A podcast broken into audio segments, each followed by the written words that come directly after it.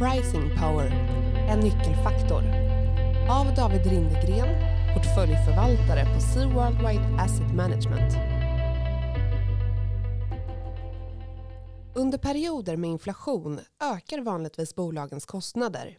Dels kan medarbetare kräva högre löner för att klara hushållens stigande kostnader.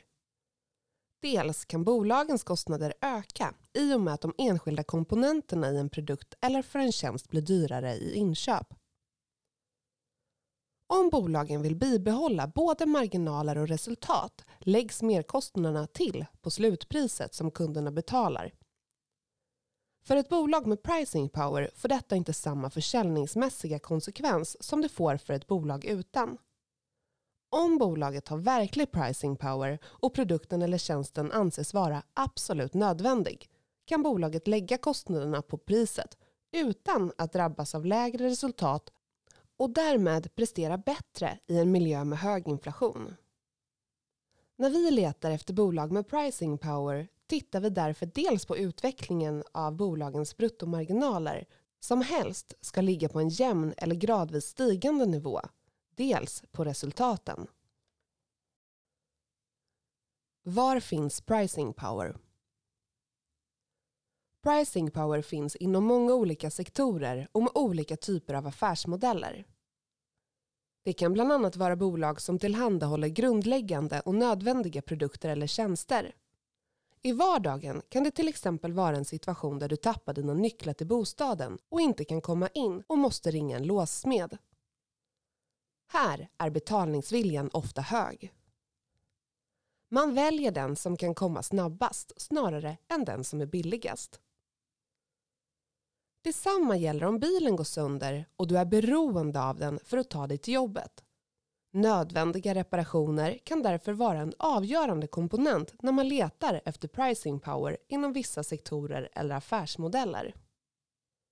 Ett annat segment med pricing power är lyxvaror där själva varumärket anses vara värdefullt. Faktum är att en sådan form av pricing power kan beskrivas med den så kallade Veblen-effekten som innebär att produkterna upplevs mer värda ju dyrare de är. Situationen är alltså den att efterfrågan potentiellt kan öka om priset ökar. Detta är inte helt intuitivt eftersom vi vanligtvis köper mindre av något som blir dyrare. Men om exempelvis Rolex höjer sina priser blir deras armbandsur normalt mer eftertraktade. Det är en intressant dynamik som också säger något om branschstrukturen. Inom IT-branschen hittar vi bolag som Microsoft och Visa. Båda erbjuder tjänster som idag är helt nödvändiga i vår vardag, vilket också avspeglas i deras höga och stabila bruttomarginaler.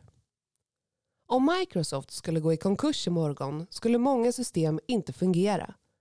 Tjänsten är därför oerhört kritisk för de flesta bolag runt om i världen och därmed skapas möjlighet att justera prissättningen av deras tjänster. Microsofts pricing power kommer bland annat till uttryck genom imponerande bruttomarginaler på cirka 70 procent. Detsamma gäller betaltjänsten Visa som levererar rörelsemarginaler på ungefär samma nivå.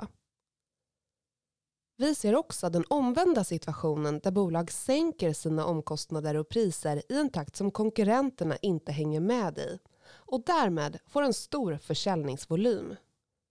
Till exempel har det taiwanesiska bolaget TSMC, världens största halvledartillverkare, historiskt skapat större försäljning genom prissänkningar vilket har lagt grunden för en snabb ökad kunskap och utveckling av nya och billigare tekniker.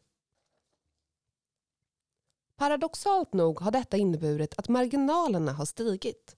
TSMC har idag en så konkurrenskraftig position att de kan höja priserna och samtidigt sälja lika många enheter som innan prisökningen, vilket i sin tur ger möjlighet att förbättra resultatet. Ett annat exempel på en intressant undergrupp av bolag med pricing power finns inom skadedjursbekämpningen eftersom de flesta gärna betalar för att få bort insekter från sina hem. Sammantaget finns pricing power inom många sektorer och särskilt där konsumenten är mindre priskänslig i jakten på att lösa sin utmaning och där det är svårt att byta till andra produkter, det vill säga där möjligheterna till ersättare är begränsade. Vi på Sea Worldwide investerar långsiktigt. När världen förändras snabbt och när det är inflation, nollräntor och inte minst krig i Europa kommer den långsiktiga investeringsdisciplinen till sin rätt. Att hitta attraktiva investeringar kräver ingående förståelse för bolagets affärsmodell, inklusive pricing power, ledning och socialt ansvar. Som aktiva investerare letar vi efter bolag som kan behålla och stärka sin konkurrensposition och eventuellt utveckla nya affärsområden med hjälp av sin finansiella styrka och de möjligheter som affärsmodellerna erbjuder. Det är den typ av bolag som vi kallar compounders och som styr sin egen framtid med en tydlig potential att leverera hållbar och långsiktig tillväxt.